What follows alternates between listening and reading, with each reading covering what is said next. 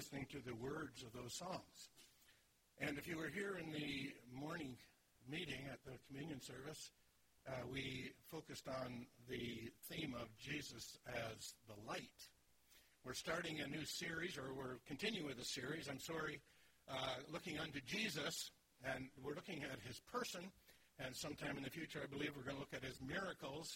Uh, most of our themes will be, most of our portions will be from the Gospels, although it's, uh, as we discovered in the morning meeting this morning, the idea of Jesus as the light goes all the way from Genesis chapter 1 right through to Revelation chapter 21. It's just all through the scriptures. So um, before we, I'm going to, um, the theme, the, the uh, text that I'm going to take uh, for the day is I am the light of the world, said Jesus in John 8 12. I am the light of the world. He that follows me shall not walk in darkness, but shall have the light of life. It is something that is sadly lacking in our world, but it is available to all. We're going to try and open up the scriptures today and uh, have a look at what the Lord Jesus meant by that term. Um, I'm going to pray, and then we're going to read a little bit from John chapter 1. That's not in the, in the series of slides, but uh, you can, after we pray, open up to John chapter 1, and we'll read a passage there. So let's pray. Father, thank you for the illumination which comes. You're not just the light, you don't just give us light, you give us sight. For those who come to you uh, and confess we are in darkness even until now, you uh, miraculously shine forth the truth into our hearts. There are many, many here this morning, perhaps the majority, who could stand up and say, That is true. I had that enlightenment, I had that unveiling to my mind and my soul and I am now a child of the King without doubt. Lord, I pray this morning as we look at this theme that by the end of this that you will impress the need of each of us to take the responsibility to come to the light. For otherwise there awaits eternity of outer darkness.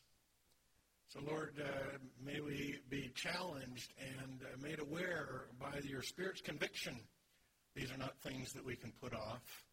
These are things that are the most important elements of our life and our being, and they must take precedent over all other things. So, Lord, convict us and convince us of that this morning, we ask, for the glory of Christ and in his name. And we ask your Spirit to work through your word this morning, and we are open to receive and to do. For we pray this in the name and for the glory of our Lord Jesus Christ. Amen. Let me read you a passage from John chapter 1. I'm reading from the New King James. If you have a different version, you can just listen or you can try and follow along. But here's what it says in verse 6 There was a man sent from God whose name was John. Uh, could have a wisecrack there, but uh, it could be me this morning, okay? Speaking from God. I, I trust that's the way. I wouldn't be up here unless I believe that could actually happen this morning. I wouldn't waste your time and I wouldn't put myself through this, believe me. There was a man sent from God. His name was John, and of course, that's John the Baptist. This man came for a witness to bear witness of the light, that all through him might believe. He was not that light, but was sent to bear witness of that life, light. That was the true light which, uh, which gives light to every man coming into the world. He was in the world, and the world was made through him, and the world did not know him. Did you get the words to that last song? I want to know him. I want to know him. I want to know him. It repeated over and over again. The world does not know God.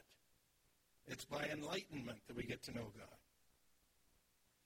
He came to his own, that would be the Jewish people, and his own did not receive him. But as many as received him, to them he gave that right to become children of God to those who believe in his name, who were born not of blood, nor of the will of the flesh, nor of the will of man, but of God. So we'll talk about this light that has come. Um, I'm going to take you back and uh, through history a little bit. If you weren't here for the first service this morning, it was a refreshing exercise as uh, the number of verses were, take, uh, were put up for us to look at. And it showed that the concept of light and darkness permeates Scripture from beginning to end. As a matter of fact, in the philosophy of, of the Jewish religion, they, they would talk about the children of the light and the children of the dark, the children of the night. And so this is a, an enduring concept in, in religion and in uh, philosophy down through the ages. And, and it's carried over into the New Testament. Here's what Paul said in Colossians 1.13. He has delivered us from the power of darkness and into the kingdom of his dear, the Son of his love. And the verse before that refers to us being translated into the light. So it's out of darkness and into the light. Ephesians 5 8. For you were once darkness, but now you are light in the Lord. He's speaking to Christians. He's speaking to those who have placed their faith in Jesus Christ. You may be able to identify with those statements this morning. If you can't, I trust by the end of the day you will at least at the end of this morning be able to see how that can be made available to you today. Now, I'm going to take you back to grade 12. In my case, grade 13 physics. I know I'm dating myself. But back then, we, we studied light. And so it is commonly defined as that portion of the electromagnetic spectrum that can be detected by the human eye.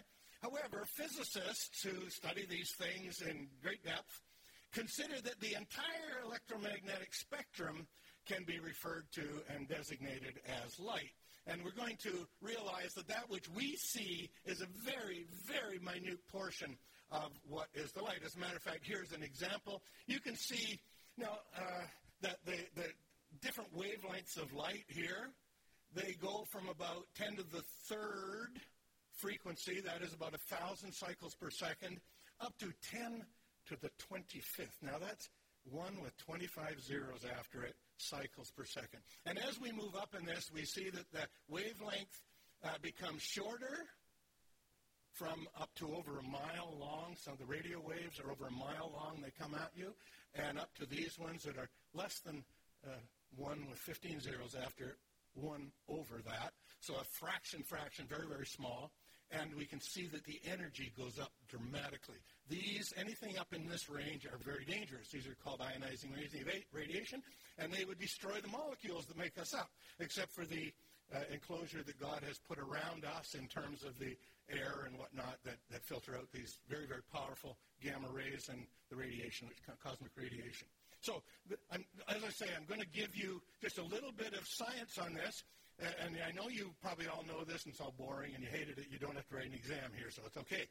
Um, but the reason I want to do this is because you see, we're going to find out that we find God as human beings by his revelation in this, in this uh, universe in which we live.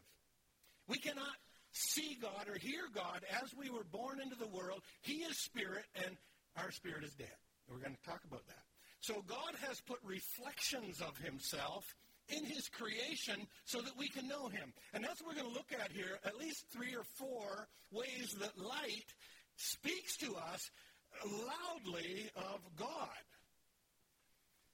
So, um, ways in which light reveals the person of God. The speed of light in a vacuum is um, fund- a fundamental constant, physical constant, and a physical absolute. Currently accepted value is 299,792 uh, 480,000, I'm sorry, 299 million, et cetera, uh, meters per second. That's how fast light goes. Now, just to give you an idea, if you shone a light and it would bend around the Earth, it would go around the Earth about seven and a quarter times in one second. From now till now, seven and a quarter times around the Earth. Fast. Okay? So we can't conceive when we're dealing in little short times that we deal in. Uh, that's uh, it for sake of uh, the Einstein formula here of E equals mc squared, um, the speed of light is designated in this format here, 3 times 10 to the 11th centimeters squared. So 3 or 9 times 10 to the 22nd, 22 zeros. And that is what is compacted into you in every gram, every molecule of your body. When a nuclear explosion happens, large, and fission, we'll say, large molecules like uranium-235 or, or plutonium-238 split, divide into two parts, and in that process, the equivalent, one neutron changes to a proton and loses a mass equivalent to one electron. which is almost non significant. It's unweighable, and yet that's what gives us the power of the explosions. And the same happens in fusion when two hydrogen atoms come together and form a helium. The loss of mass is so minute it can't be measured. It can only be determined theoretically. So these are some of the things that I want to look at uh, as we look at this matter. I, I don't want to get into a physics here, but it does reflect the glory of God. Now, here's one of the things that you'll remember from your physics class, perhaps, unless you shut off, as many of us did, that, that light travels in waves of energy. And we just saw there. There's all kinds of different frequencies, and yet there is also a, a theory that it travels in packets called photons little particles, streams of particles coming out from the source. And so we have this uh, duality of you with light to light. And I remember studying this and trying to write an exam on this, and how can this be? And I was puzzled over that. And here's what the Encyclopedia Britannica says about it. However, and he's talking about these two theories man in all his exercises of wisdom and so on have tried to determine what is light. Neither a classical wave model nor a classical particle model correctly describe light. Light has a dual nature that is revealed only in quantum mechanics. Now, I didn't take quantum mechanics till I got to university, and if you have studied that, it's something that you can't observe. It's too small. We can see light, we can talk about light, but when you get to quantum mechanics, it's, de- it's dealing with electrons jumping up and down within within uh, uh, orbits, within molecules. And uh, I won't get into that, but it's something which we can only determine mathematically and uh, by extension and, ab- and abstraction. So uh, it's like, I'm going to put this all together and show you how this is what Jesus like. He's, he's, he, has put, he has put evidence of himself into his creation. And so he is a dual nature. When we talk about God being, the Lord Jesus Christ being God and man, uh, anyone here can explain that to me? No? Well, uh, if you would have that trouble with that, then you also have trouble with explaining how light can be a particle and a wave at the same time. So God has put some of these things into her. Now, to the scientific materialists, those are people, the majority of scientists who believe that matter is all there is, or at least matter is all that matters. Light reveals that there is our phenomenon we routinely experience of such mystery and complexity that they defy rational explanation or definition. And so they have to say, well, light is, we experience it, we just can't explain it. That's something like the Lord Jesus, isn't it? He is, he exists in two, two natures, and yet we can't explain it. Now, the common logic, and this is the third point, and I have four, but the fourth one didn't make it into the PowerPoint, so I'll talk about that in a moment. Common logic, based upon the total body, uh, body of scientific observation, would suggest or prove that such complexity points to an origin. Notice I capitalized that, it's person. An origin derived from a higher level of complexity. Anything you create as a man is less complex than you are. No man can create a man. We always comp- create something less complex. We can make some wonderful things, but we cannot make a man. And God there has to be somebody of much more complexity to make what we find in this realm. Light is that, it's complex, and it takes something outside of the realm of the natural to be the origin of it. So here's the three things, and I want to add a fourth, but uh, this is just what we find in the person and nature of the Lord Jesus Christ. He is the one in whom all things consist. We're told that in Colossians chapter 1. He, all things consist in him. So when we take light and we use Einstein's formula of general relativity equals mc squared, all the matter, all the things you touch, they are all a form of energy put together according to that formula, and can, that, form, that energy can be released. And that energy came from the Word of God. He said, let there be, and there was. And so God, by His Word, formed the world. We cannot, we cannot fathom the amount of energy released in a, in a plutonium or a, a, a uranium explosion is measured in kilotons and, of TNT, and, and in, in the fusion reactions, it's in megatons, it can be. And yet, that's just uh, the smallest fraction of the mass of that that is disintegrated into pure energy. If we were to en- completely disintegrate into energy, it's unfathomable the amount of energy that has gone into the creation of this world and the creation of the universe. It's beyond our scope, okay? And yet it says of the Lord Jesus Christ, in him all things consist. There's not a molecule, there's not an electron out there spinning out there 100 million light years away that Jesus doesn't know what it's doing and hasn't known what it's been doing ever since he made it. Everything consists by his power. He's the power that holds it all together. He exists in two natures, which defies human logic and human explanation, yet the Bible reveals that. He represents a higher order of being that is required. Uh, he, he represents a higher order of being that is required for the creation of the lower orders. And the fourth thing I want to say, and this is something which we'll come to a little later, and that is that light, you can only see light when you look at the source. Or you look at something that the source shines and illuminates and it reflects back to you. It, just put yourself, if you've ever looked at any of the pictures from, say, the Hubble Space Telescope, it looks out and you see billions and billions of galaxies out there. And all are surrounded by darkness. and our sun, it's hard to look at, I know, but if you look at it, you get light in your eyes. And if you look at the Earth from vantage point of the moon, you will see the Earth reflecting back the light from the sun. But if you look this way, you cannot see the light going by. All you see out there is blackness. You have to look at the source or at something that the light reflects from in order to see light. Okay? Now, unfortunately, uh, the vast majority of the people in the world are not looking at the source, and we are to be that reflected light, like the moon is to the earth, that reflects the glory of the sun and shines back and, and then the earth can see the light of the reflected glory. But it cannot see it when it stares off into space and tries to find God. Light cannot be discerned. Okay, so those are just some, some physical aspects of light.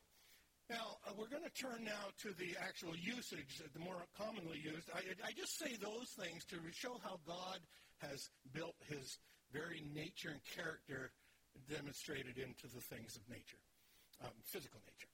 Um, but there's other uses of the term light, and that's what's going to come up in the rest of the message. Sometimes uh, it's that that provides information or clarification. We might we use it in our term in terminology. We say I'm either in the dark, or somebody's going to shed light on that situation. Now we're not talking somebody's going to turn on that flashlight that uh, Ron puts on his feet. We're not talking about that kind of light right now. Okay, we're talking about another kind of light.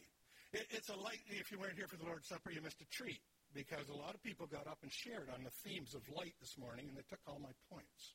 Okay? Because uh, that's what's going to happen over the next number of months. We're going to give out the theme that's going to be preached on in the next sermon. The poor guy that's preaching is going to find out these guys all have the thoughts that he's already gone and studied up on. But anyway, it's to provide information. And we'll extend more on that. Or another uh, thing is illumination by revelation light. Now, you some of you old people like me, you remember back in the 50s a song singer by the name of Hank Williams. Remember him? I saw the light, I saw the... I don't recommend you necessarily listen to him. He's not, he wasn't a great singer. But... um, but his song carried a message. I saw the light, I saw the light. No more darkness, no more night. Just like the blind man that God gave back his sight. Praise the Lord, I saw the light. And, and so Vic remembers that, don't you? I think it must be the recording because they were all in wax drums back there, I think. But anyway, um, it, it, it's illumination by revelation. It's not something we can come to with our mind and by our wisdom and by our diligence. It's something that comes from the other side, and that's another form of light, and that's the one we're going to talk about mostly this morning. Now, um, I want now to turn to you and me. Because I don't want to just give a physics lecture and I don't want to just talk about things that somebody said 2,000 years ago. I want to talk about how that impacts you today as you sit there and looking over you. And I can name most of you. I can't name you all. I'd love to be able to. But uh, you have uh, an identity to me that is based on a human body. And I see you and I see a form and I say, well, I know that's my son Jason and this is, uh, you know, I, I can name many people. And I just went blank. Jeremy. Sorry, that happens. The body fails. But um, inside is a, sort, is, is, is a consciousness. Okay? Now be with me on this, because this is where we're going to come back to. That part of you that is aware of yourself, that part of you that when I say water, it, it the brain, ears, everything else pick this up, communicates it to the soul, and you can think of water. It is the central processing unit, if you like, of your whole being. It is, now get this, it is eternal. It is eternal. It says in uh, Genesis 2 7 there that God formed man from the dust of the earth. Now, he took elements. He took carbon, about enough to have a good barbecue. He took water, about five or, some, five or six gallons. He took iron, about enough to make a nail. And he put them all together in this mysterious and wonderful conglomeration of molecules that make us a body. And then nested into that, when he breathed into that, he breathed into it, that's the word spirit. By the Spirit of God, he breathed into that body, and man became a living soul. So you are a soul. Now we look at you and, and I look at you and, I see a body and I say, well, that's so and so. No, no, that's not. That's just the vessel that's holding the real you. Okay, got that? And that soul that occupies that body is the part of you that is going to live forever.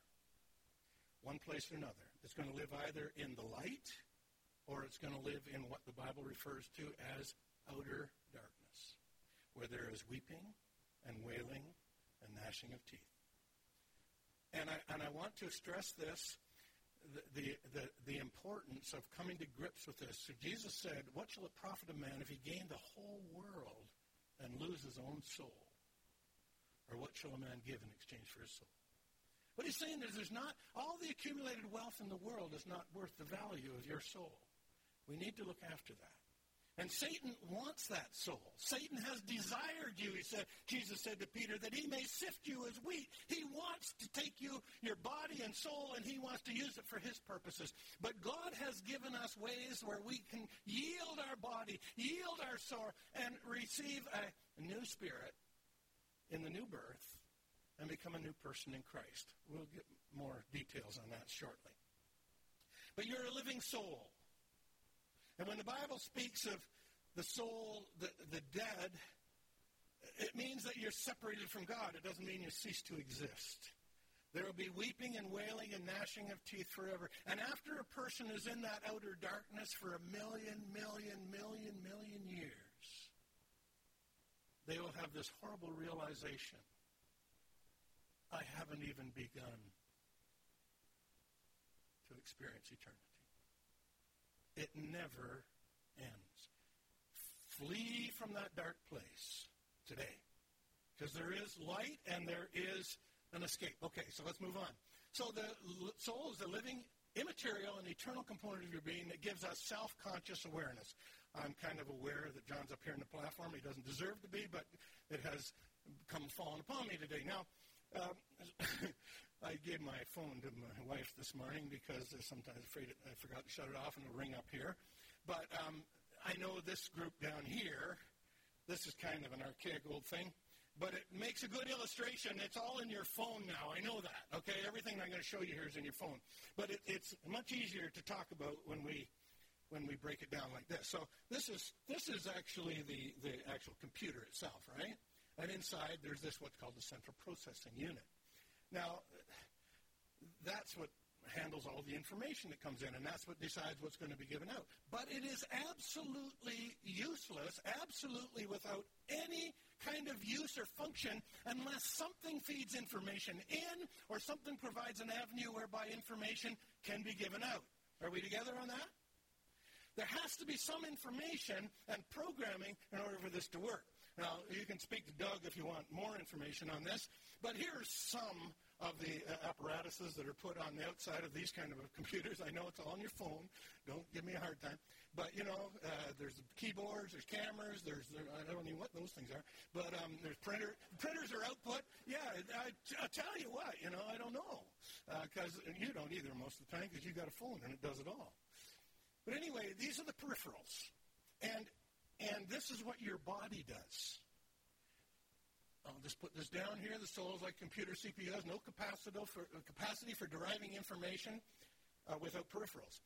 But uh, in our own case, the body here, we have a soul that is like the central processing unit. And everything you know, everything you uh, can say, I learned this, I know this, you have learned through one of the five senses that are in your body. We have no contact outside of the body. So we feed it into the soul. The soul processes it, and then it can do, uh, you know, sight, taste, smell, hearing, and touch, and then it can do uh, various things with it. Okay, once the information from the senses has been introduced into the mind or the soul, it can be processed, stored in memory, or used to provide an output. Example, speech, smile, nodding of the head, swinging of the bat. There's all kinds of things the body can do, the mind directs it to do when it's got the information. Okay? So the body gives us all that. Are we together? Gets better. Because the um, senses are the only source of information. Many, and this is a large body of the scientists that will try and teach you in your schools, many have concluded that the material universe that all is all that really exists because that's all we receive information from through the senses. We only have a material universe. That's all there is. Now, here's the troubling part for them, and it ought to be troubling you. However, from time to time throughout history, men have arisen who said they have received visitors and messengers from another realm. A realm where God, who created and sustains all life, existed and exists along with a myriad of creatures that we have no way of seeing or communicating with or touching. We call them angels. There are levels and levels of angels. We're told about that in the Bible. And so people down through the ages, and we talk about, then comes to the last prophet before Jesus came, prophet John. He comes bringing word that there's a light coming. There's something coming that's going to communicate to our mind truth that goes beyond the veil, beyond the scope of our capability. And, and the Bible says he was not the light, but he came to bear witness of the light that all who believe in him might be saved. Okay? He wanted to prepare the way. Now, that realm is called the spiritual realm and is undetectable by our physical senses. the message from beyond received uh, through thousands of years of revelation and have a common theme. And this is some of the things. I have about six or eight points here, and I, and I just want to. First of all, the, the revelation that came to the prophets down and the visitations from, from the, the angels and from God himself in, in what we call Christophanies or Epiphanies. There is one omniscient, all knowing creator of all realms and all beings, and we are introduced to him in Genesis chapter 1, verse 1 as Elohim. Now, he's given many names through Scripture, and, and we know him as Jesus and as God the Father and God the Spirit. We, have had some enlargement and more enlightenment on this matter, but from the very beginning, he was Elohim. And, and right from the very beginning, we have this mystery contained in the name. Elohim is a, per, a plural name I am on the name of a, a word in Hebrew gives it the same as an S gives in our language. It makes it plural, and yet it's always attached to a singular verb. It would be like saying, the man is. Very, very poor grammar, but very good theology. Because right from the first sentence of Genesis, we have the idea that this God, this one God, exists as a plurality, but he acts as one. And of course, that's enlarged all through the scriptures. So this is the kind of thing that is revealed. And the next thing, there has been a challenge to Elohim's right to rule by the highest of the created beings.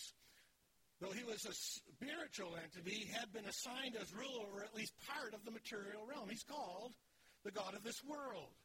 Something back there sometime, in some way we know just in misty understanding, which we don't need to delve into any deeper than what the scriptures give us, Satan had a power over this realm. And he blew it. He rebelled. He decided he was going to lead a rebellion up into the heavenlies, and he was going to lead those creatures that he was given to rule over up in an assault, one third of the angelic realm, went in there. The aim of the rebellion was to remove Elohim from his throne and take the rule of all things from him. We read that in Isaiah 14. Uh, I will ascend up into heaven, says Satan. I will be like the, I will raise my throne above the stars of God. I will be like the Most High, the Elohim, or I'm sorry, El Elyon, the possessor of heaven and earth. So he, he is going to challenge that. The message clearly foretells that this rebellion this challenge to the authority of Elohim is doomed to failure because this God is omnipresent.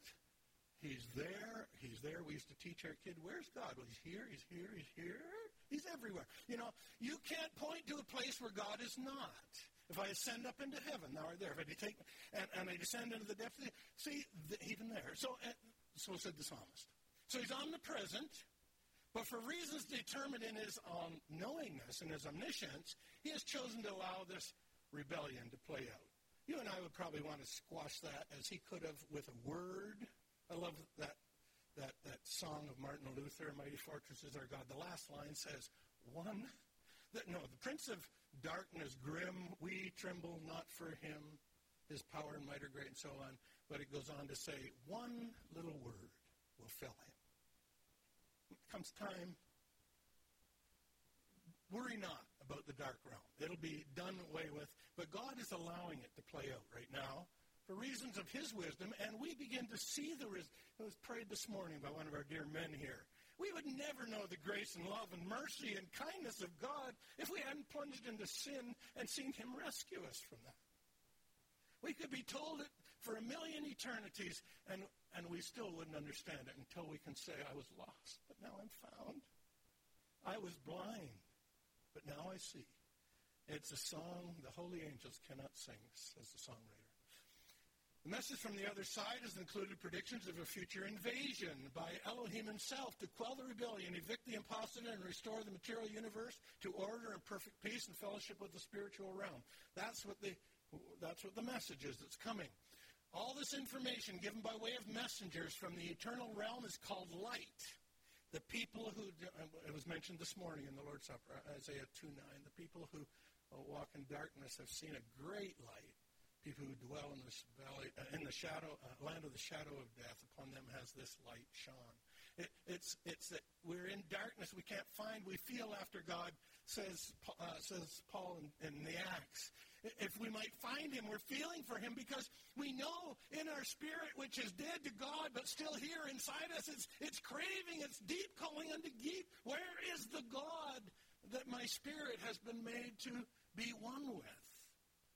If you have any kind of sense that life doesn't make sense on this earth, that is your spirit that's been severed from God through spiritual death and calling out that it would be reunited with the God, and, and He's provided a way, and we'll say that. Um, so inform the souls of men and women of Elohim's good intention, mercy and grace towards those who've been born into the middle of this cosmic battle. You and I ended up waking up a, as babies and growing up and finding out, hey, we're dead in sin, and, and it's blamed on a, a man 6,000 years ago and life. And what am I supposed to do? Well, God intervened to that. We're all sinners because of something that happened in the past.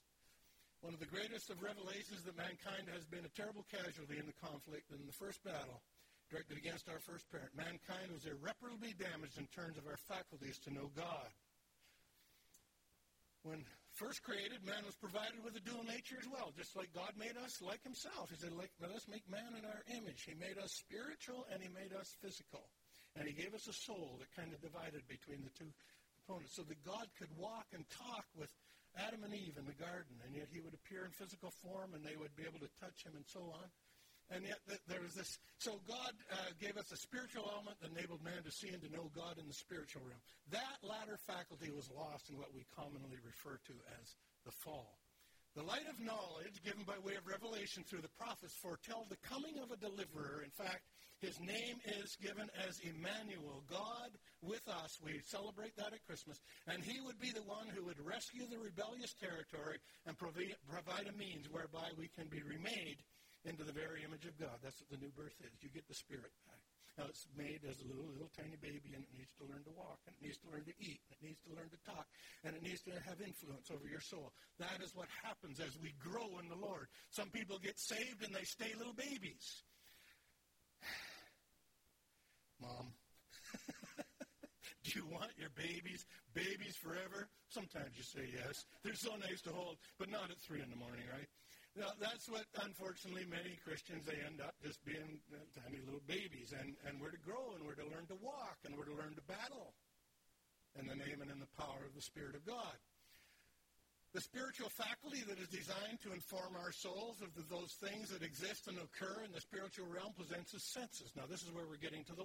It, present, it pos, possesses senses that correspond to the physical senses. Hence, we see in Scripture many, many, and I could list a whole bunch. But here's one. For instance, you read this in Psalm 34, verse 8 Taste and see that the Lord is good. Now, I can sit down to a good beef, roast beef dinner, and I can say, boy, the Lord's good. Now, that's not what it's talking about. But even though he's good, even in that, he's talking about some faculty that we receive by grace through the new birth whereby we can feast on God. And Jesus said he was what? He's the bread of life.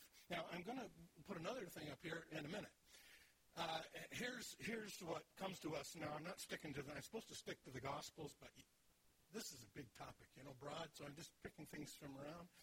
But as it is written, eye is not seen. In other words, you can't sense this through your eyes.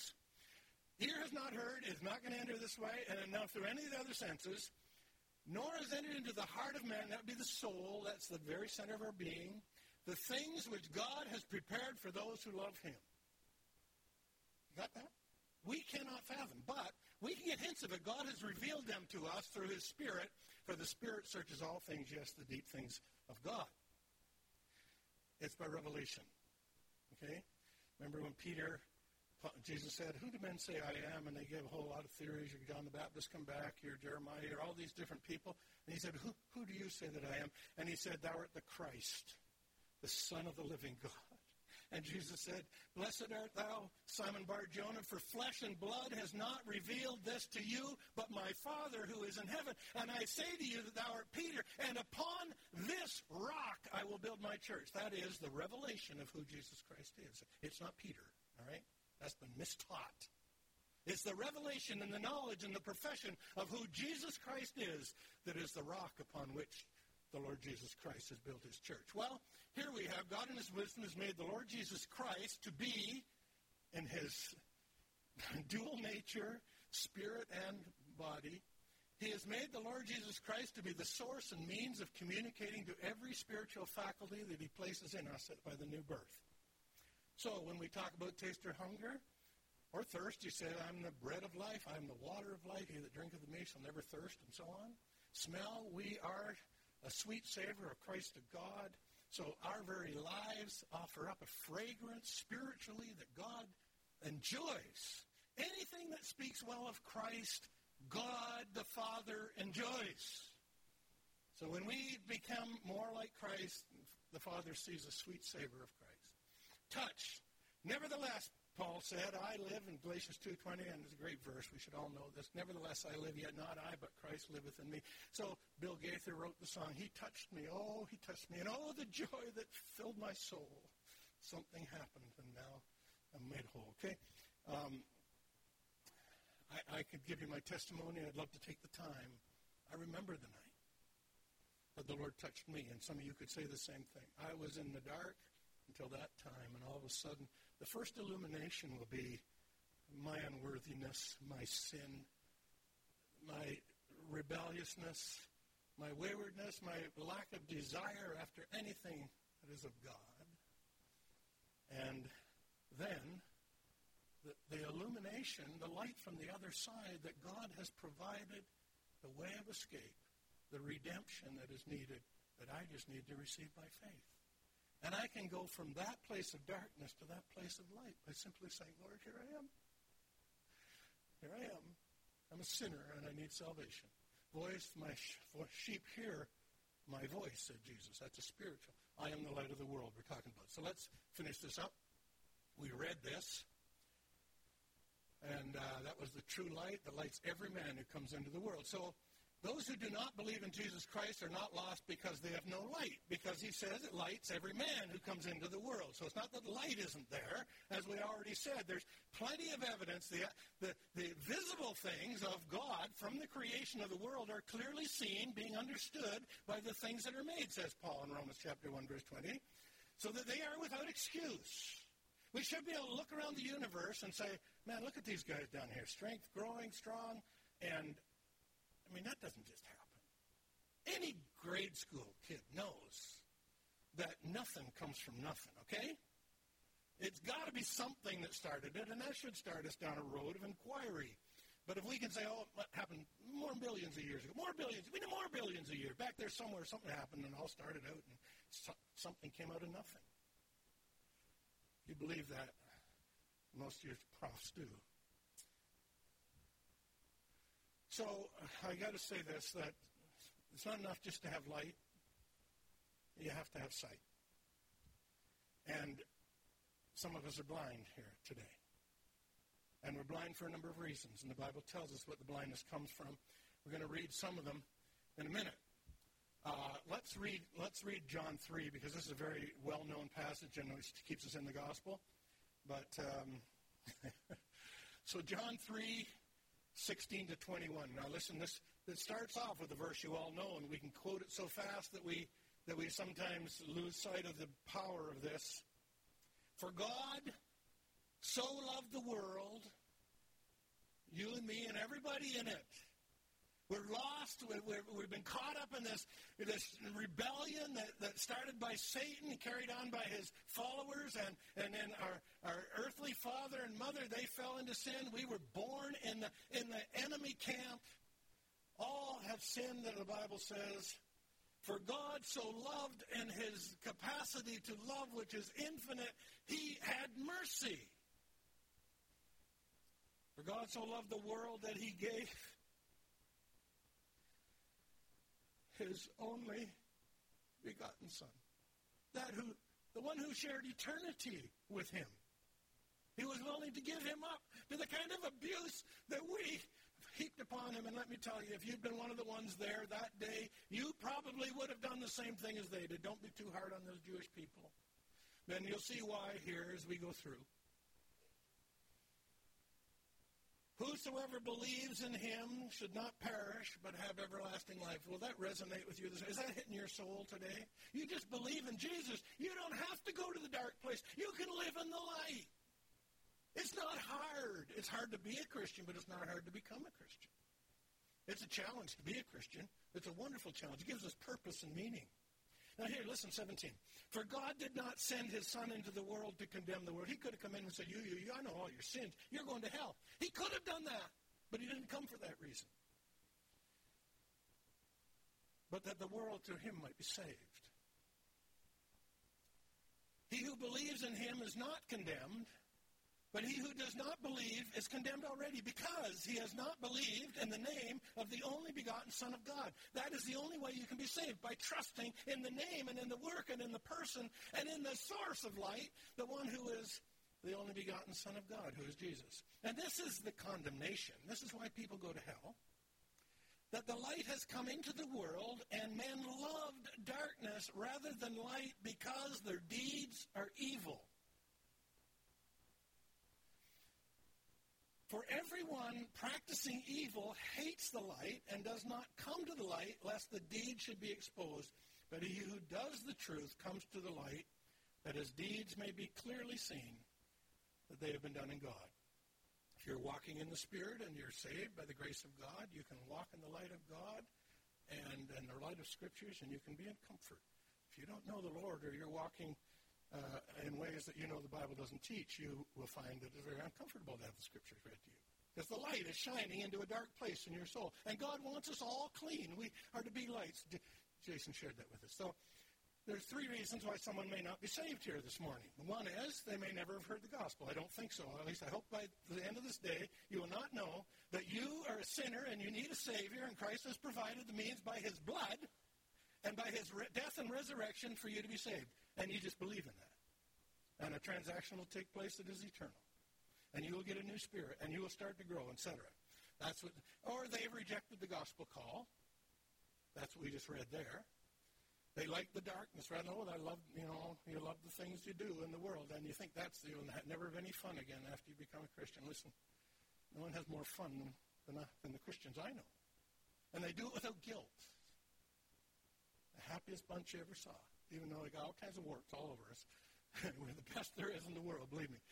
Not me, the rest of you.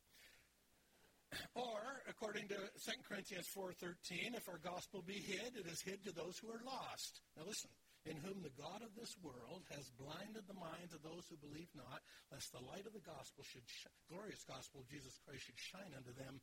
And they, okay? So the, the, the work of Satan is to blind your minds to this, to say this is foolish. It's only weak-minded people that believe this. Well, with all their wisdom, there are a lot of things that the wise acres that are too believe in, too smart to believe in Jesus don't know. And there's a lot of things you can know by knowing Jesus that they will never know. People like to ask this, and I'm going to close with a, a quote from C.S. Lewis here. People like to say, why does God hide from us in another realm? That's a fair question. If God is God and he's all this world consists in him, why, why doesn't he just come? Why doesn't he just make himself do a few miracles? We'll believe in him. Well, Jesus covered that one pretty well because he came and he did the miracles, and they and one of them was raised the dead, and, and that was the miracle that actually they decided to put him to death for. Lazarus. Man, man can you believe that? Because man's heart is bent to sin because we have no spirit, we have no connection with God, so we love the dark. And it's only by the revealing, convicting power of the Spirit of God that you will even want to become a Christian and escape the wrath to come. Why does he make it so hard to find him? Why doesn't he just invade so we can see him in all his glory? Well, I, I love, uh, I was very much impacted by the writings of C.S. Lewis, and this is an excerpt from his book, Mere Christianity. And he says this God will invade. He's going to invade, and I believe by the signs that we see from, the, from the, what the prophets have told us in Old and New Testament scriptures, the time is getting near we have a lot of indicators that he says are going to be there before he comes. God will indeed, but I wonder whether people who ask God to interfere openly and directly in our world quite realize what it will be like when he does. When that happens, it is the end of the world. When the author walks onto the stage, the play is over. God is going to invade, all right, but what is the good of saying you are on his side then when you see the whole natural universe melting away like a dream and something else, something that never entered your head to conceive, comes crashing in, something so beautiful to some of us and so terrible to others that none of us will have any choice left. For this time, it will be God without disguise. Something so overwhelming Right? This is the God that called this universe into existence by a word with all that power, and He knows all about it. He knows all about you. It'll be something so overwhelming that it will strike irresistible love or irresistible horror into every creature. It will be too late then to choose your side. There is no use saying you choose to lie down when it has become impossible to stand up. That will not be the time for choosing. It will be the time when we discover which side we really have chosen. Whether we realize it before or not, now, today, this moment is our chance to choose the right side. God is holding back to give us that chance. It will not last forever. We must take it or leave it. There has been enough light here for us to know that God hates sin, all sin and he will cast away all that is in sin. But he has provided a way of escape in Jesus Christ that you don't have to be of those who are cast away. You can be, come to the light today. And I will tell you for eternity, you will never, ever, ever for a minute regret that decision. I'm going to sit down here. If anyone is concerned about their soul, their eternal soul, and its eternal state, I or others here are very desirous and anxious to speak to you about that and how you can know today salvation through Christ. I'm going to ask the team to come up and sing closing song. I think you're going to do one, are you? Yeah.